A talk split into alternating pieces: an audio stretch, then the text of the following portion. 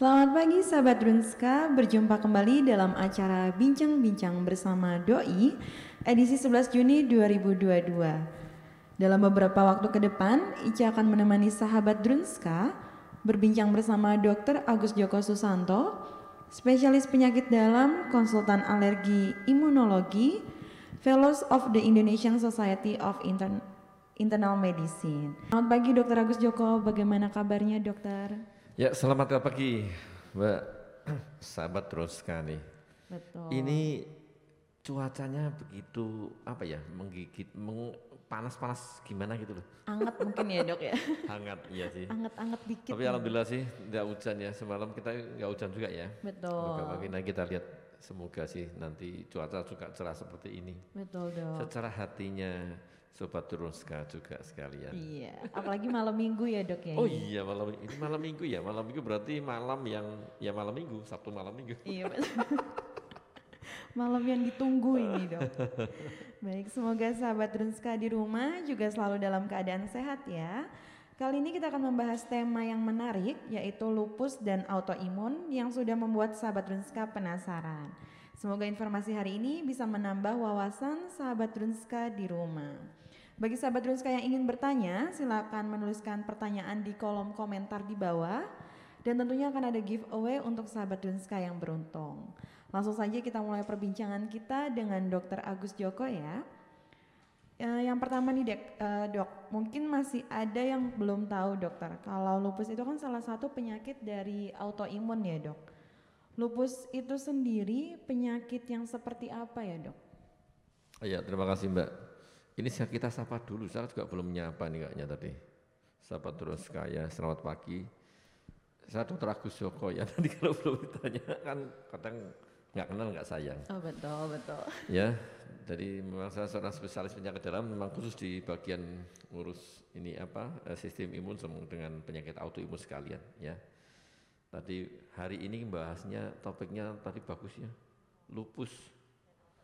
Lupus itu kalau dulu tuh zaman saya SMP, SMA itu yang itu loh, yang anak muda terus pakai permen itu permen karet terus di uh -uh. tiup itulah itu itu lupus. Oh yang ada asap lupus, itu. Iya.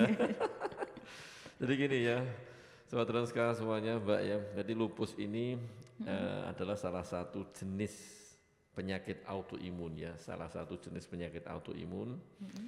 Di mana sampai sekarang sih ada lebih dari 150 jenis autoimun yang dikenal ya. Jadi ini adalah salah satu jenis autoimun. Nah, nanti kalau ditanya sekarang tuh autoimun itu apa sih kan gitu pertanyaannya. Betul. Karena autoimun itu sebenarnya adalah suatu kondisi di mana sistem imunitas tubuh kita itu normalnya itu adalah menyerang apa pun barang yang masuk ke tubuh kita ya, patogen luar masuk ke tubuh kita. Tetapi di sini tidak. Di sini itu sistem imun kita itu menganggap tubuh kita itu sebagai musuh. Ya, jadi diserang terus kemudian dihancurkan sehingga uh, menimbulkan kerusakan macam-macam. Ya, salah satunya itu lupus. Lupus itu uh, memang kita kenal sebagai salah satu penyakit autoimun yang mengenai banyak organ. Jadi autoimun itu ada jenis yang uh, organ tunggal dan organ yang banyak multiple. Nah, lupus itu termasuk salah satu yang mengenai berbagai macam organ dan juga eh, seperti yang lain contohnya adalah Sjogren syndrome, rheumatoid arthritis, dermatomyositis ya, sklerosistemik dan sebagainya yang yang mana dia juga sistemik ya beberapa macam organ bisa terkena. Itu lupus ya. Jadi salah satu jenis autoimun yang mana dia bisa mengenai banyak organ. Ya, ini ini dulu mungkin. Baik. Untuk penyebabnya sendiri, Dok, penyebab dari penyakit lupus itu apa aja dok? Ini ya, terima kasih. Jadi untuk yang penyebab ditanya sebenarnya penyebabnya apa sih lupus ya kan? Ini nanti sama hampir sama dengan uh, penyakit autoimun jenis lain.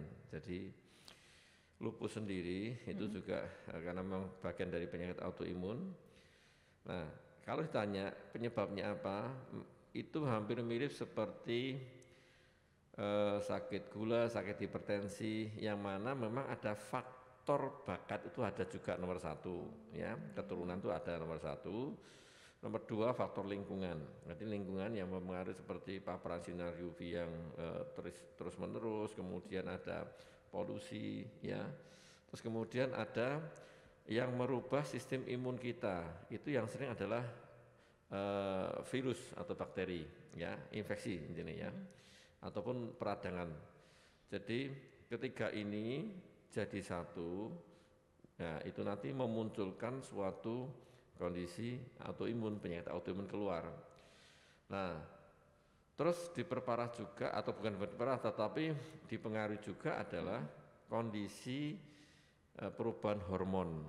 Nah, makanya yang terbanyak adalah wanita dibanding laki itu lebih banyak yang wanita. Karena wanita kan punya siklus bulanan itu mbak. Ya siklus bulanan kan ada. Jadi kalau dengan siklus bulanan seperti itu dia hmm. juga akan mempengaruhi uh, sistem imun kita. Sudah ada bakat, terus kemudian faktor lingkungan ada, terus infeksinya ada, yang meradang ada, plus perubahan hormon akhirnya keluar autoimunnya. Hmm. Itu berlaku juga untuk lupus maupun autoimun jenis yang lain sama, mirip sebenarnya sama ya. Tapi memang lupus ini apalagi sih, oh ya sekarang kan uh, kita masih memperingati juga dengan World Lupus Day juga sekaligus ya WLD, Betul. sehingga kita bahas terkait lupus ini ya para penyintas autoimun yang ikut ya eh, terutama yang lupus tetap semangat berbahagia dari stres dan ini kita eh, memperingati World Lupus Day atau Hari Lupus Dunia. Tetap tetap semangat. Itu dulu mbak. Baik. Itu, itu tadi informasi dari Dr. Agus Joko terkait lupus dan autoimun ya dok ya ini sudah ada beberapa pertanyaan yang masuk dokter. Oh, Saya... Baru mulai kok udah ada tanya? Iya banyak baru, banget. Baru mulai. Banyak Belum. banget. Berarti pada penasaran ya dok ya sama judulnya. Iya sih, saya judul atau mungkin yang dari ini penyintas autoimun yang dari yang mm -hmm. sering ikut ikut kita ya di acara. Mm -hmm. Betul. Ya, kan, mungkin pada ikut nih. Betul, mungkin mau sharing-sharing juga bersama ya dok ya. Ini yang pertama dari Neng.2105. Sebentar. Dok, pemeriksaan apa saja yang bisa dilakukan untuk mendeteksi dini penyakit autoimun dan lupus? Oh, bagus, ya ini pertanyaan bagus sekali. Jadi gini, hmm. sebelum uh, kita meriksa apa, ya Mbak, yang paling bagus adalah kita kenali dulu gejala-gejalanya sama tandanya apa sih. Jadi nanti kalau minimal kita kenal gejala tanda kan terus akhirnya oh ini mungkin autoimun nih lah nanti baru kita periksa kan gitu. Kalau semua semua langsung dicek pemeriksaan kan ya mubadir ya. Jadi gini kenali dulu. Jadi tanda umum ini tanda-tanda umum untuk hmm. autoimun ya. Contohnya misalnya yang paling gampang adalah rambut mudah rontok dulu ya oh, kan? rambut mudah rontok. biasanya sisiran itu kan memang normal setiap orang itu pasti sisiran pasti rontok. Betul. itu harus itu memang normal. Tetapi kalau rontoknya lebih dari normal, lebih banyak dari biasanya, hati-hati. Kedua kali misalnya eh, persendian mudah sakit, terus nyeri, terus mudah lebam-lebam di kulit. Hmm. Terus mohon maaf misalnya kalau, kalau perempuan tuh menstruasinya uh, apa sakit sekali ya, hmm. sakit dibanding biasanya, hmm. tidak teratur. Hmm. Badannya sering panas, demam, sering semutan, kebas. Nah, itu mungkin uh, bisa sebagai suatu gambaran umum dari autoimun. Nah, kalau seperti itu, kemudian segera periksa. Nanti dokter akan e, memberikan e, blanko ya, pemeriksaan laboratorium apa. Oh, ini memang kemungkinan adanya lupus, eh, bukan adanya autoimun, bukan lupus saja. Kemudian dicek pemeriksaan. Namanya bisa untuk screening, namanya itu ANA, pemeriksaan ANA. ANA tes itu pemeriksaan screeningnya loh, bukan untuk. Mm -hmm nanti dengan screening anak nah, terus kemudian kalau memang dia hasilnya positif baru kemudian ada namanya pemeriksaan anak profil ya. Perlu diingat tidak semua autoimun bisa dicek anak itu yang penting ya. Jadi harus paham dulu. Tidak semua autoimun. Autoimun lebih dari 150 hmm. itu dengan ANA tes ANA itu tidak bisa mewakili semuanya. Sehingga misalnya hasilnya ANA tesnya itu negatif tetapi tanda-tandanya kok mengarah ke autoimun itu belum tentu dia bukan autoimun masih bisa mungkin autoimun. Tetapi jenisnya yang di luar yang dari tadi yang anak IF kan anak IF paling cuma beberapa puluh autoimun yang bisa di screening padahal ada ratus ya. Jadi itu jadi pemeriksaannya gejalanya seperti tadi tandanya itu dulu baru dipikirkan pemeriksaan penunjang namanya anates tadi tetapi tidak serta merta itu semua bisa diwakili dengan anates gitu mbak Baik dokter, sudah terjawab ya untuk pertanyaannya. Selanjutnya dari sebentar, wah banyak sekali ya dok ya. Jangan salah loh, dijawab Bandung. Operator baru. Selamat eh, sahabat terus ya, selamat pagi semuanya. Pokoknya eh, tetap semangat lah. Ini mau tanya enggak apa-apa. Ya nanti tetap mohon maaf nanti kan waktunya terbatas ya. Oke, betul satu jam ya. Ini langsung saja dari Tora Kuntoro 01. Treatment apa saja sih yang bisa dilakukan supaya bisa survive dalam eh, lupus selain medis, dok? Ya, bagus sekali. Ini pertanyaan bagus. Jadi memang selain medis dulu kalau pengelolaan atau eh, treatment itu kan kalau sisi obat kan nanti dari sisi medis ya. Betul. Nah, ini betul, pertanyaan betul. Tadi yang sisi non medis ya. Iya. Kalau sisi non medis seperti ini, ya. Autoimun ya, ini kalau kita bicara semua autoimun dan ini khususnya di lupus. Lupus lebih spesifik lagi ya. Nomor satu intinya adalah hindari kecapean, ya, kurang tidur malam, ya, hindari panas terik matahari yang terlalu sangat, ya. Kemudian polusi-polusi itu juga dihindari, banyaklah polusi udara, polusi rokok dan sebagainya. Terus kemudian eh, jangan banyak terlalu lama di ruang yang tertutup kayak gini ya, tertutup, tidak boleh. Terus exercise, olahraga ringan itu tetap dijalankan. Jadi eh, autoimun itu intinya adalah dia lebih sensitif dibanding orang normal. Itu yang harus sahabat Roska harus dipahami ya. Jadi Betul. Penyakit autoimun itu kondisinya lebih sensitif. Sensitif dalam arti- artian apa? Ototnya lebih mudah meradang, lebih mudah capek, sarafnya juga, tulangnya juga. Sampai hatinya juga lebih baperan loh mbak. Oh, nanti sensitif, lebih sensitif. Makanya ya kalau mohon maaf kalau memang sebelumnya sebelum kena autoimun sudah baper, tambah autoimun dua kali baper berarti. Wah, tahu-tahu nanti nangis sendiri. Setelah nangis sendiri sudah selesai, biasa lagi. Jadi yang perlu dicermati juga itu ya. Dan yang terakhir adalah berbahagialah hindari stres. Ini yang sering saya sampaikan. Karena autoimun itu yang terpenting adalah jangan sampai stres. Kalau stres 100% insya Allah ini mesti flare, ya, pasti flare nanti. Betul dok. Ini mah agak sulit sekali ya, jadi memang sulit. Ini ini guyonnya seperti ini mbak, kalau Oke. kan banyak kan perempuan yang sakit autoimun kan. Betul. Nah, caranya gimana biar tidak stres?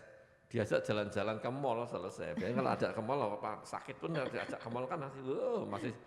Tetapi dia akan sakit lagi kalau pulang dari mall tidak bawa tentengan, lah itu tambah sakit. Oh iya benar. Kalau cuma jalan iya, doang ya kalau dok jalan ya. tuh seneng pulang nggak ada tentengan langsung sakit lagi.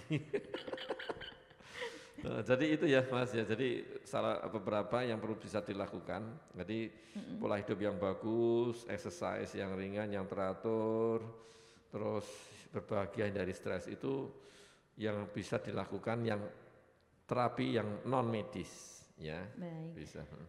Untuk olahraga tadi nih dok menyambung.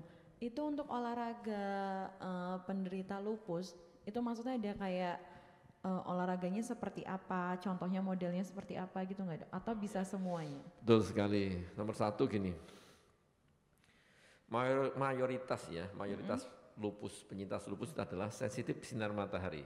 Oh. Sensitif sinar matahari, ya. Oke. Berarti olahraga apa? Nomor satu ya hindari sinar matahari dulu nomor satu, karena ter- terlalu sensitif ya. Tetapi sebenarnya autoimun itu memang dianjurkan untuk berjemur, tapi jangan lama-lama, 5 menit sampai 10 menit maksimal ya. Itu pun dilihat, kalau lupus kan dia sensitif, berarti jangan sampai 5 menit 10 menit, pasti flare nanti ya. Dicoba aja sedikit satu- satu menit dua menit bagaimana ya. Olahraga yang tidak kena sinar matahari dulu. Yang kedua kali olahraga yang tidak membebani terlalu berat. Jadi ambillah porsi separuh dari orang normal karena autoimun itu eh, mudah meradang semuanya. Jadi jangan uh, membuat intensitasnya itu mirip dengan orang normal. Betul. Orang normal kuat misalnya olahraga setengah jam, ya berarti penyelesaian autoimun maksimal 15 menit kan gitu. Mm -hmm. Jadi jangan dipaksa. Yang penting adalah olahraga itu yang penting adalah ritmisnya. Jadi mm -hmm. teraturnya seminggu dua tiga kali, tidak usah lama. Yang penting keteraturan ini, ya itu yang terpenting. Mau sepedaan statis, sepedaan keliling kompleks, hmm. tapi yang penting adalah hindari sinar matahari terik itu aja. Ya. Betul. Ya. Terus mau renang juga bisa, tetapi uh, renang juga harus hati-hati. Mm-hmm. Kalau sudah kerasa tubuhnya nggak enak, langsung keluar karena mm-hmm. dia juga sensitif. Oh. Sensitif panas, sensitif udara dingin, nah, sensitif air dingin ya, kolam air hangat itu mungkin enak ya. Yeah. Jadi seperti itu. Jadi memang olahraga itu yang terbaik adalah mm-hmm. uh, untuk yang autoimun adalah porsinya jangan sama dengan orang normal itu nomor satu. Terus ritmis kemudian teraturnya continuous ya dilakukan hmm. seminggu tiga kali durasinya tidak usah lama-lama 10 menit 15 menit sudah itu cukup bagus.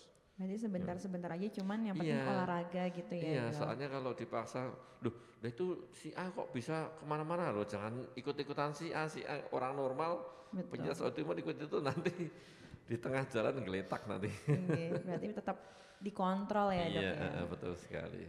Ini pertanyaan menarik nih dok dari sweet.honeyb1 dan bunda underscore Kesha Anindia. Apakah penyakit lupus bisa disebabkan oleh faktor genetik dok?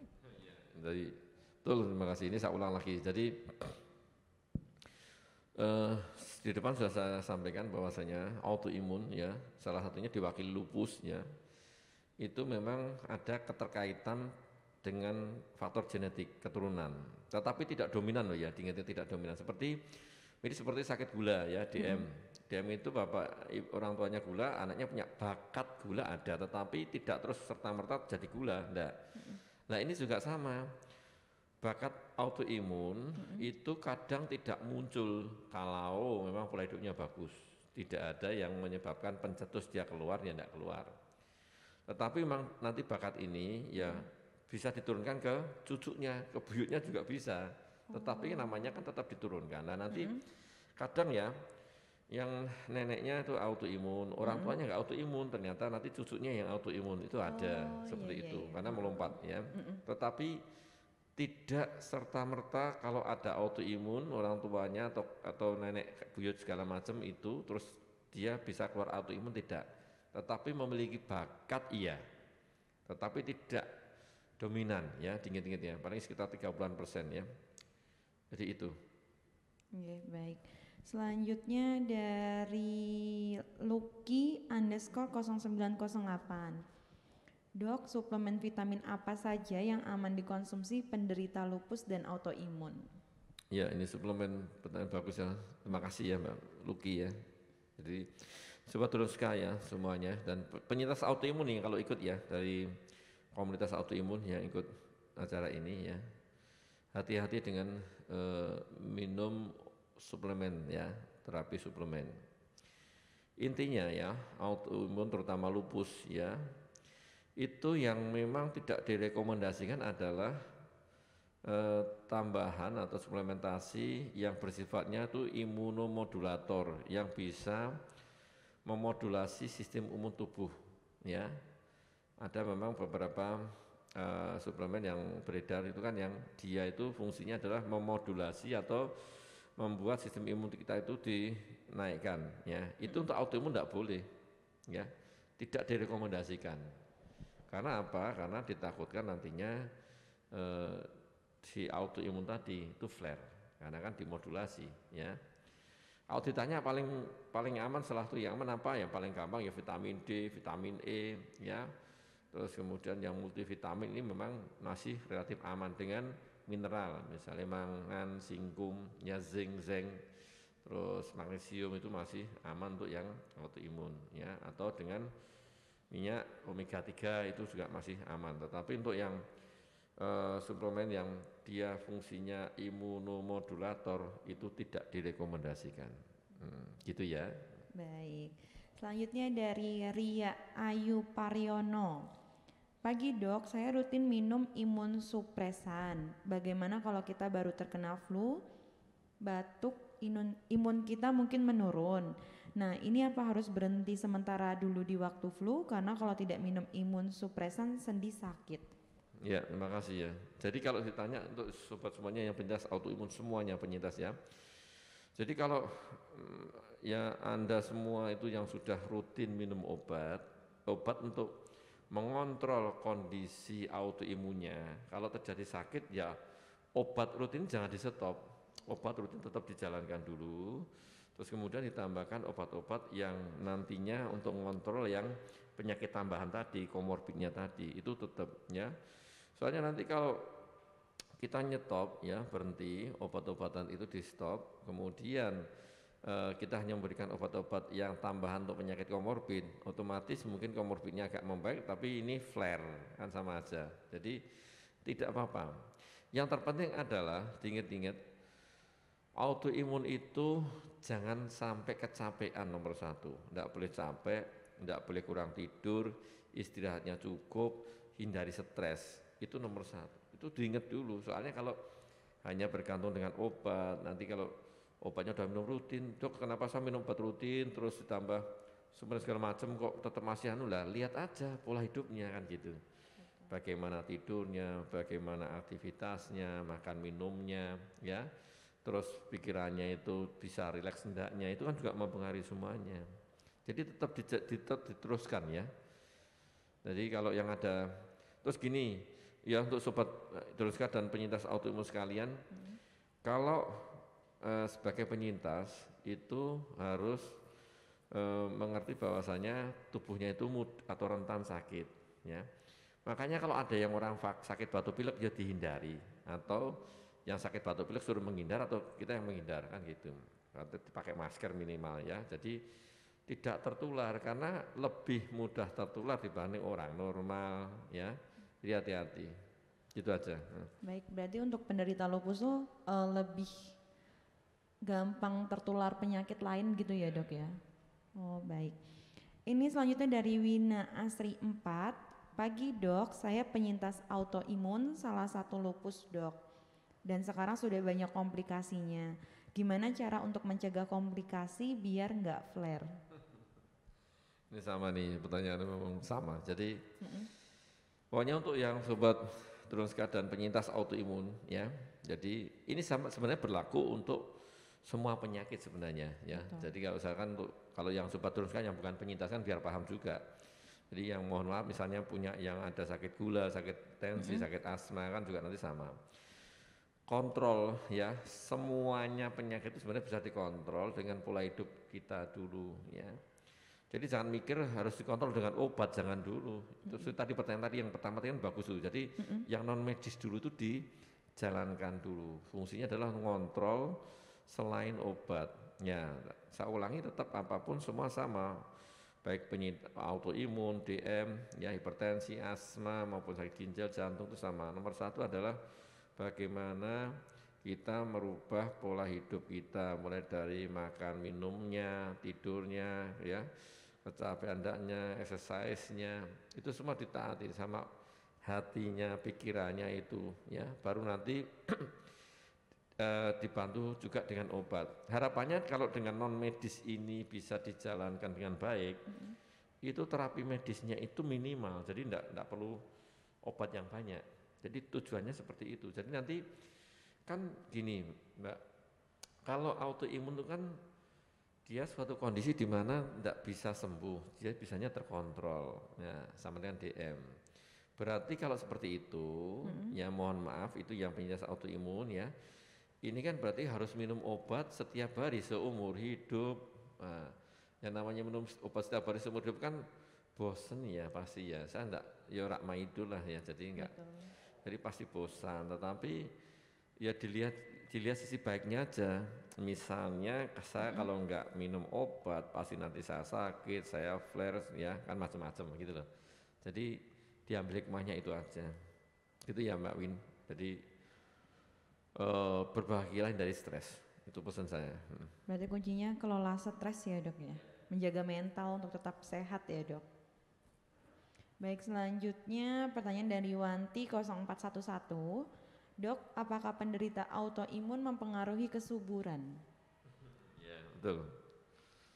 Ini kalau ditanya itu hampir semua penyintas autoimun berarti bertanya seperti itu. Jadi tanya apakah kesuburan sebenarnya sebenarnya ya untuk masalah kesuburan itu untuk yang autoimun dengan tidak lupus dengan tidak itu sama suburnya. Cuman yang bedanya adalah cara untuk biar hamil itu memang harus kita kontrol dulu. Kalau yang mohon maaf misalnya kalau yang bukan autoimun kan langsung hamil sekarang bisa. Tetapi kalau misalnya lupus itu harus dikontrol dulu, stabil dulu minimal enam bulan baru boleh hamil kan gitu aja.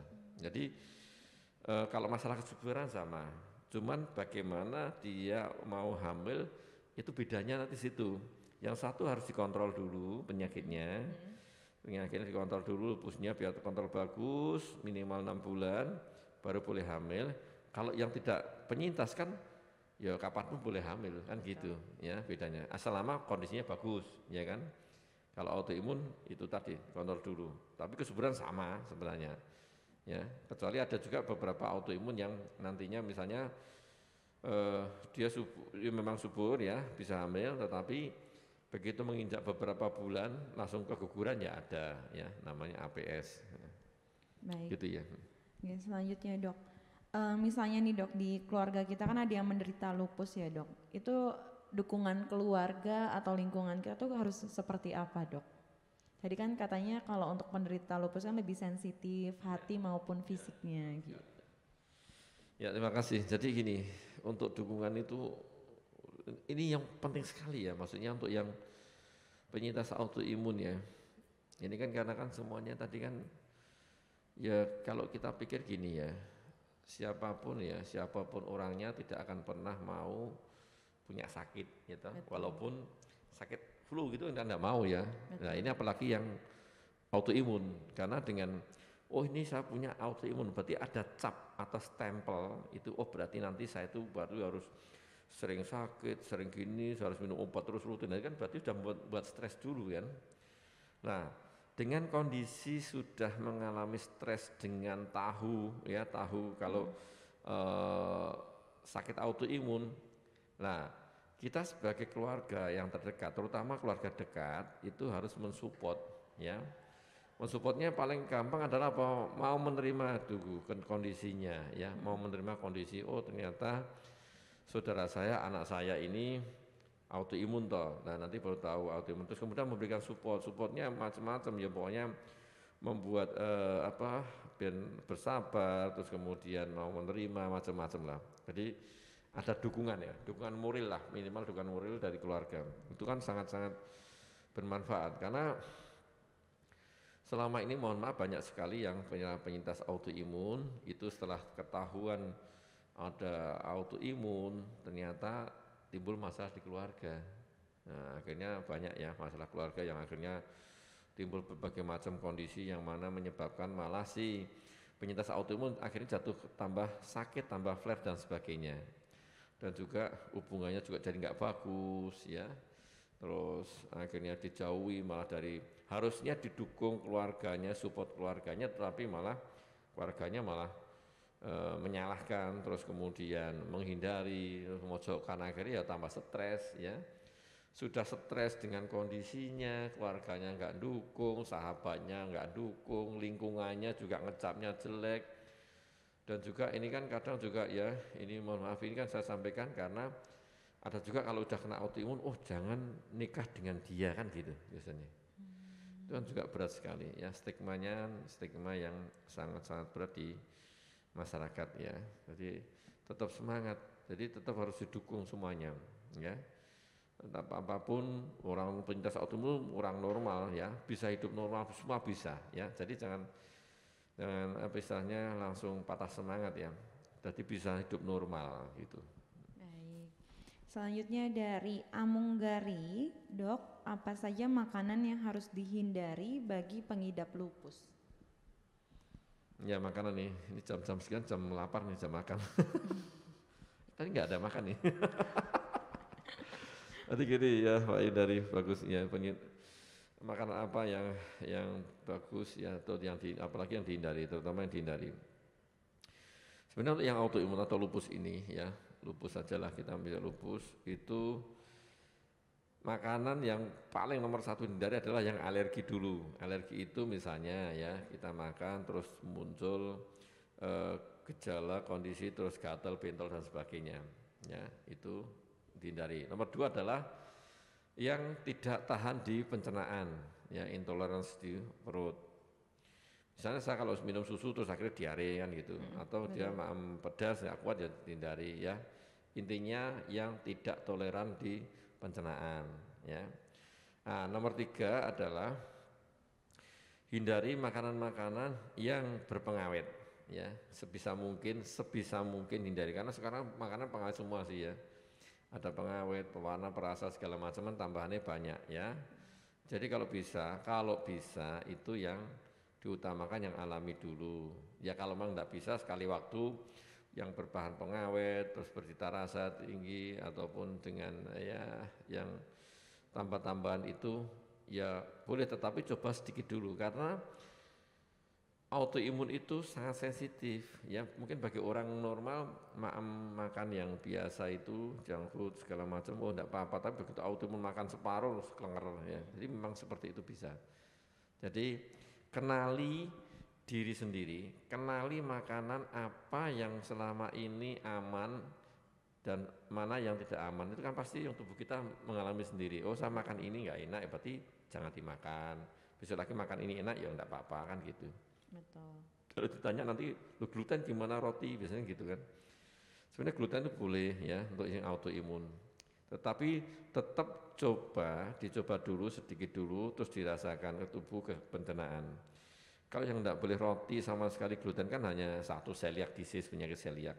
Itu memang tidak boleh tapi autoimun lain ditanya boleh boleh tetapi memang itu individual individual ya tinggi-tinggi ya setiap orang berbeda bisa dicoba. Nanti ada si A bisa, si B tidak bisa, si A bisa satu, si B bisa setengah, si C seperempat, beda-beda. Tetapi masih bisa makan, gitu ya. Baik.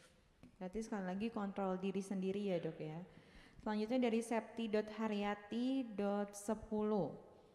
Dok, bagaimana cara pengobatannya lupus jika sering mengalami infeksi telinga dan infeksi lain?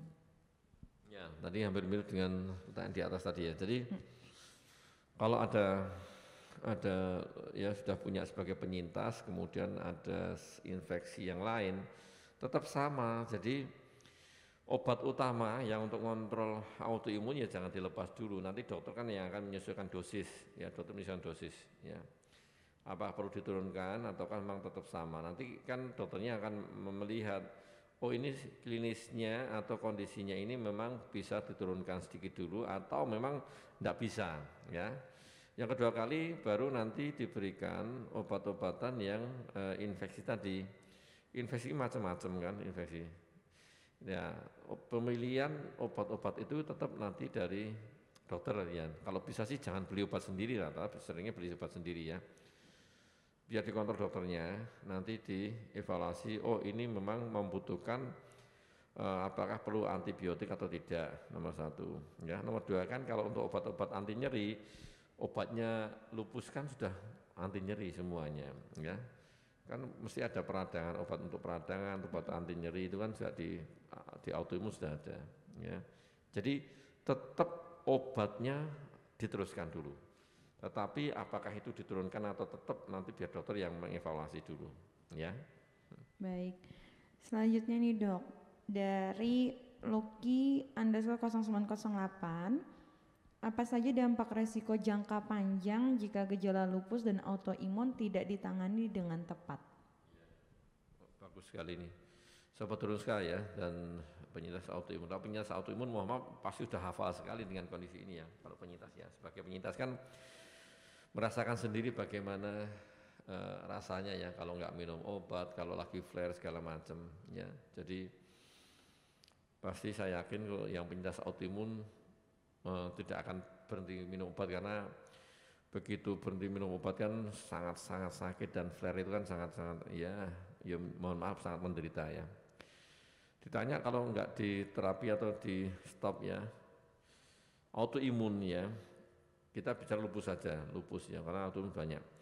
Kalau lupus memang tadi saya sampaikan itu organnya banyak yang kena, banyak organ kena. Jadi kalau memang tidak ditangani dengan baik, tidak ditangani dengan optimal, sejak awal mungkin tidak dikontrol, itu komplikasinya cepat sekali, ya sampai bisa kematian, ya cepat kematian, ya karena terutama organ-organ vital yang mengalami eh, serangan dari lupus ya itu pasti cepat sekali menimbulkan kematian.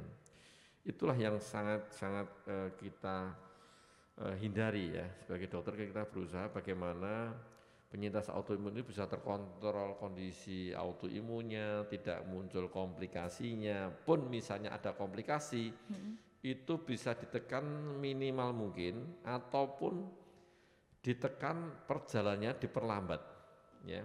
Jadi tetap apa pun komplikasi pasti ada ya. Karena kan autoimun kan suatu kondisi di mana dia itu berjalan terus ya jalan-jalan terus kondisinya. Sehingga walaupun kita cegah segala macam dengan berbagai macam tetap dia akan jalan. Cuman yang kita harapkan adalah memperlambat perjalanan dan membuat minimal sekali komplikasi yang muncul ya. Nah itu kalau dilepas sudah cepat sekali komplikasinya ya. Lupus salah satu uh, pembunuh ya, menyebabkan ke kematian yang tinggi di autoimun ya.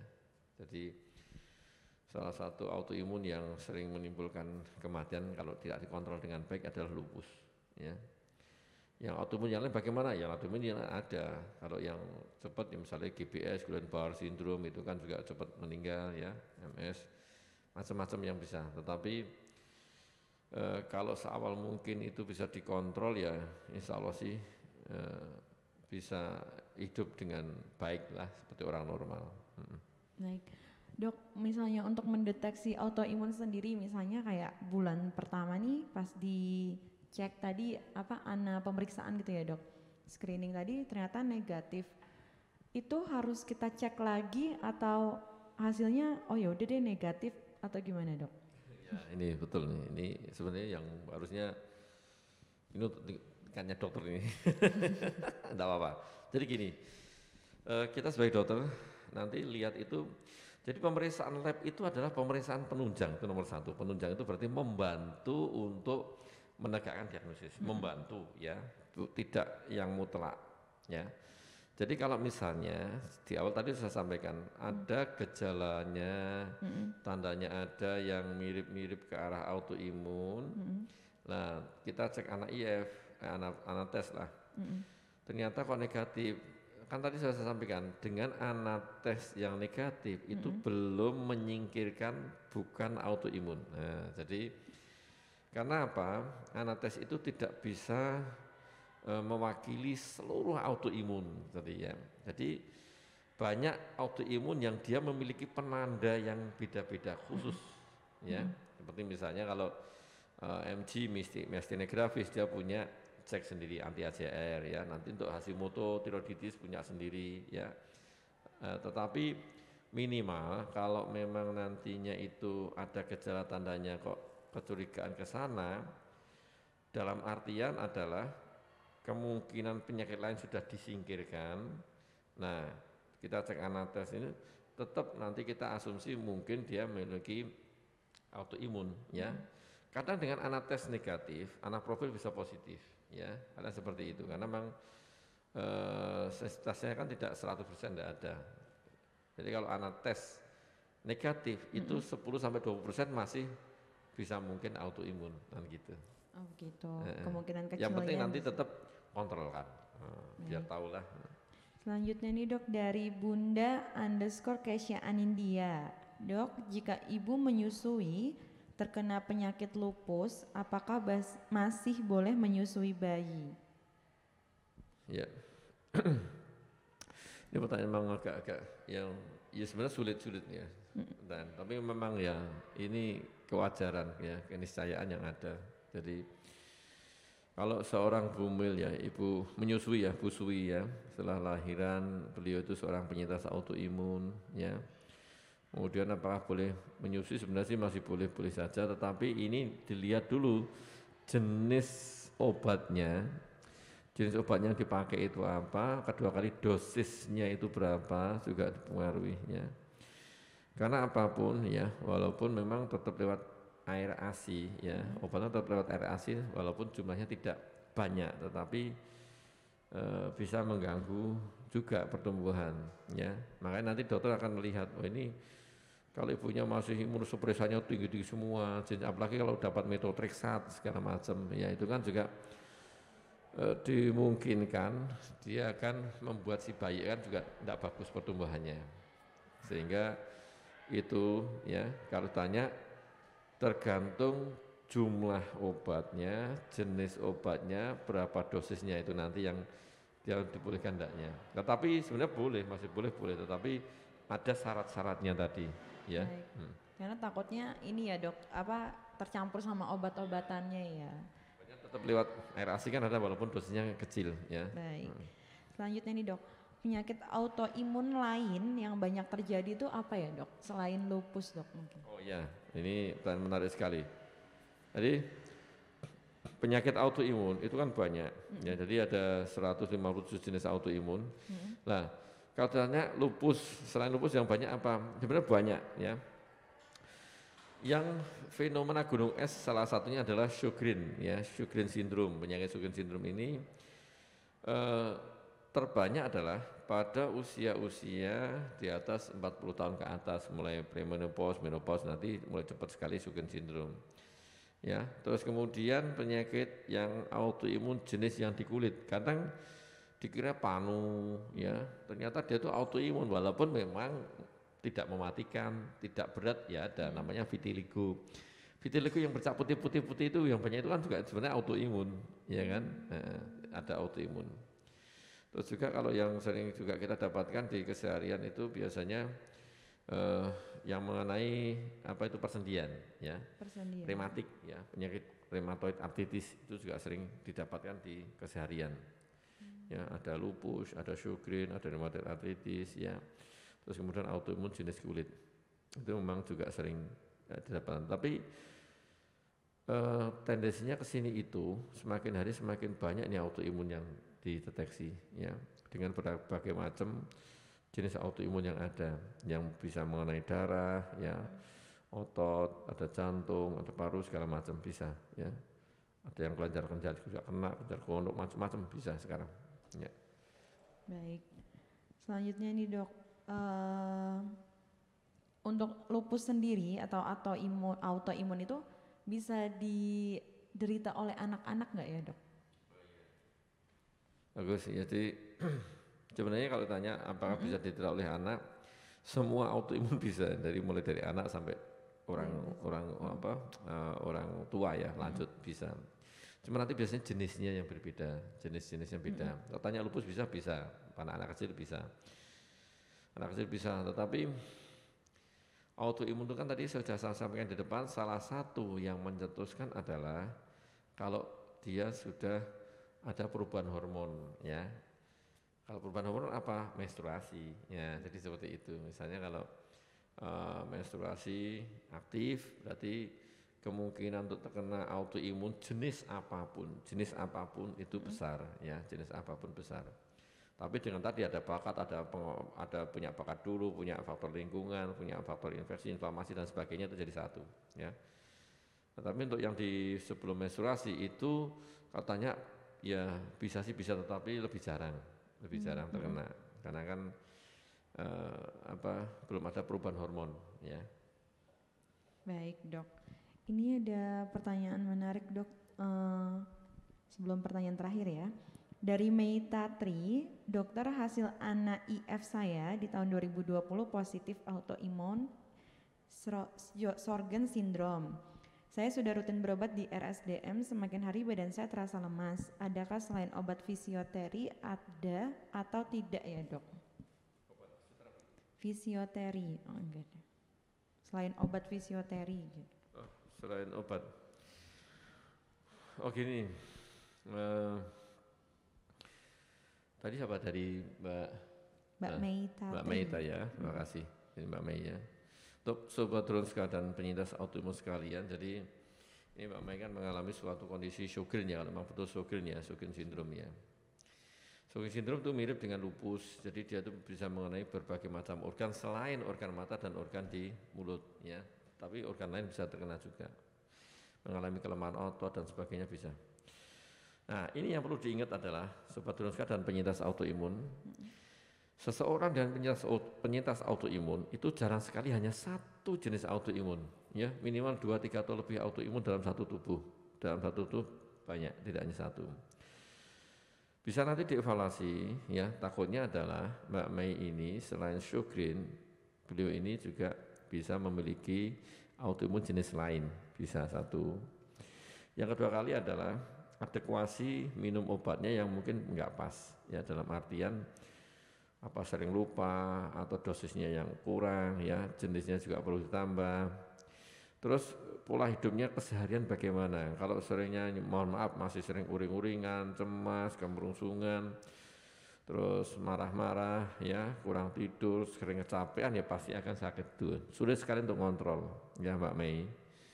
Dan juga nanti perlu dievaluasi juga ini Mbak Mei uh, labnya ya terkait masalah HB-nya, fungsi ginjalnya, fungsi hatinya ya harus dievaluasi karena kan terkait masalah satu dari autoimunnya, kedua kali dari penggunaan obat yang jangka panjang ini. Jadi nanti kita evaluasi Mbak Mei. Mbak Mei pernah ya, jadi memang ini pernah ketemu saya belum ya di RCM? Lupa atau di mana ya. Jadi itu ya Mbak Mei ya, 2020 ya lama ya. Okay, 2020. Setelah anda Covid dua tahun nih. Terus apalagi kalau ini Mbak ya. Jadi Covid itu memang salah satu menurut saya memang virus yang sangat kuat sekali ya. Jadi saya punya pasien beberapa itu dengan ya, ya tetap punya bakat dulu. Setelah kena COVID itu autoimunnya muncul, alerginya muncul, itu bisa. Jadi memang COVID itu sangat-sangat kuat sekali ya. Nah penyintas autoimun yang terkena COVID itu orang normal ya, orang normal kena COVID itu gejala sisanya, gejalanya sisa, itu aja bisa sampai setahun dua tahun mungkin belum belum hilang apalagi seorang penyintas autoimun. Penyintas autoimun kena COVID itu gejalanya yang seseknya, lemahnya, capeknya itu bisa bertahun-tahun itu.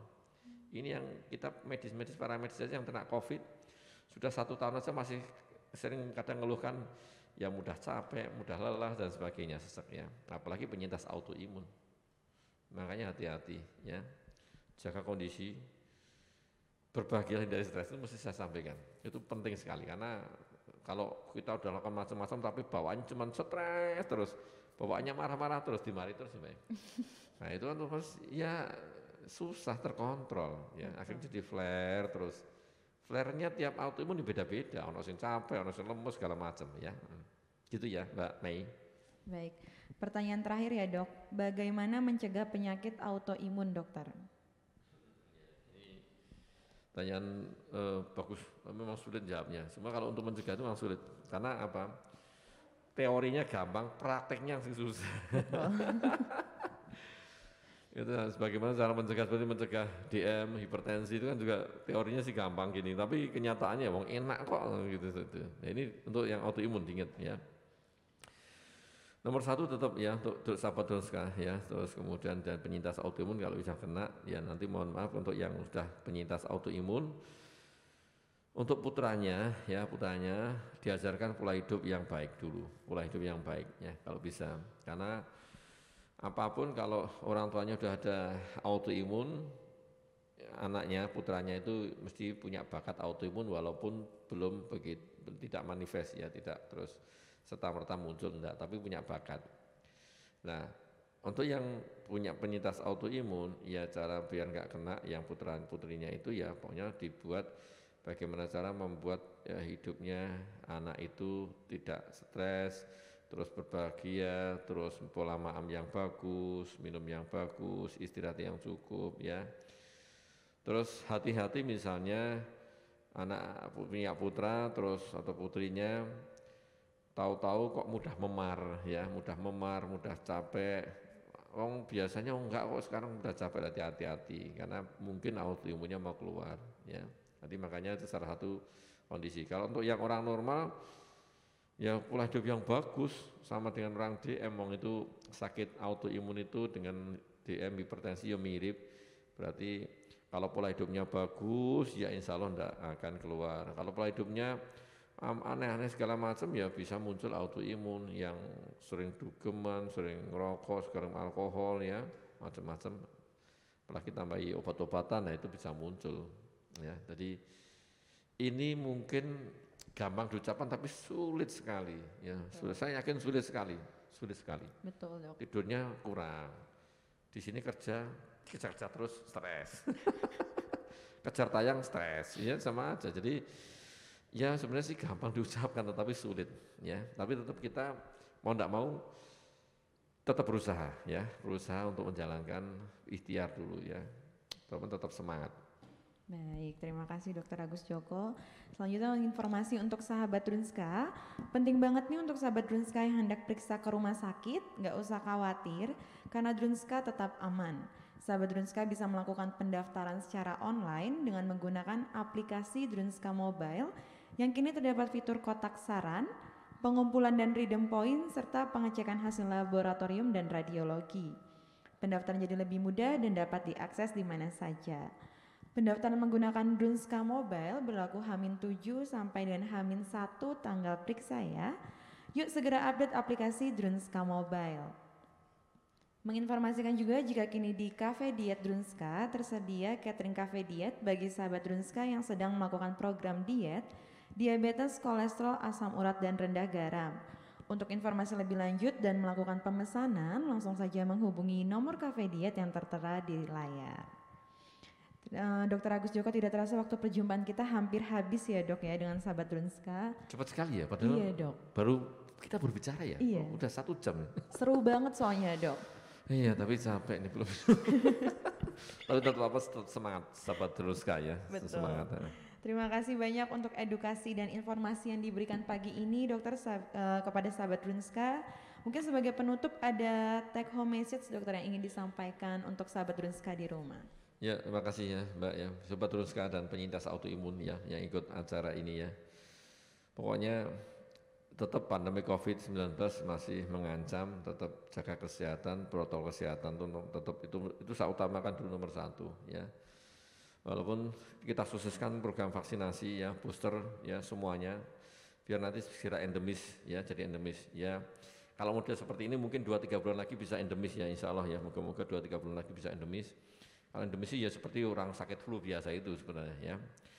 Dan kedua kali adalah Autoimun ini adalah salah satu penyakit yang mana sistem imun menyerang tubuh kita sendiri ya harusnya tidak tetapi menyerang tubuh sendiri tidak dikenal dan ini bisa mengenai siapa saja mengenai siapa saja dari berbagai macam umur ya tetap hati-hati uh, pola hidup yang baik pola hidup yang sehat ya yang punya orang tua punya keturunan autoimun tidak tidak usah patah semangat pasti kena enggak yang hidup yang pola hidup yang bagus, yang sehat, ya. Tetap semangat semuanya. Kalau kena autoimun bukan suatu apa itu uh, stempel yang jelek ya, enggak. Itu bisa hidup normal, secepatnya diketahui, secepatnya diterapi, secepatnya ditangani, ya. Terus yang terakhir adalah berbahagialah hindari stres untuk semuanya, ya. Terima kasih. Baik, terima kasih Dokter Agus Joko. Terima kasih juga untuk semua sahabat Drunska yang sudah setia mengikuti dari awal hingga akhir. Pemenang giveaway akan diumumkan besok melalui postingan IGTV. Jadi stay tune di Instagram @drunska. Selamat melanjutkan aktivitas dan selamat berakhir pekan bagi sahabat Drunska sekalian. Jangan lupa tetap mematuhi protokol kesehatan, menjaga kebersihan dan selalu jaga kesehatan. Kita berdoa bersama agar wabah virus corona ini segera berakhir. Drunska tetap aman untuk Anda. Sampai jumpa di acara Bincang-Bincang sama Doi selanjutnya.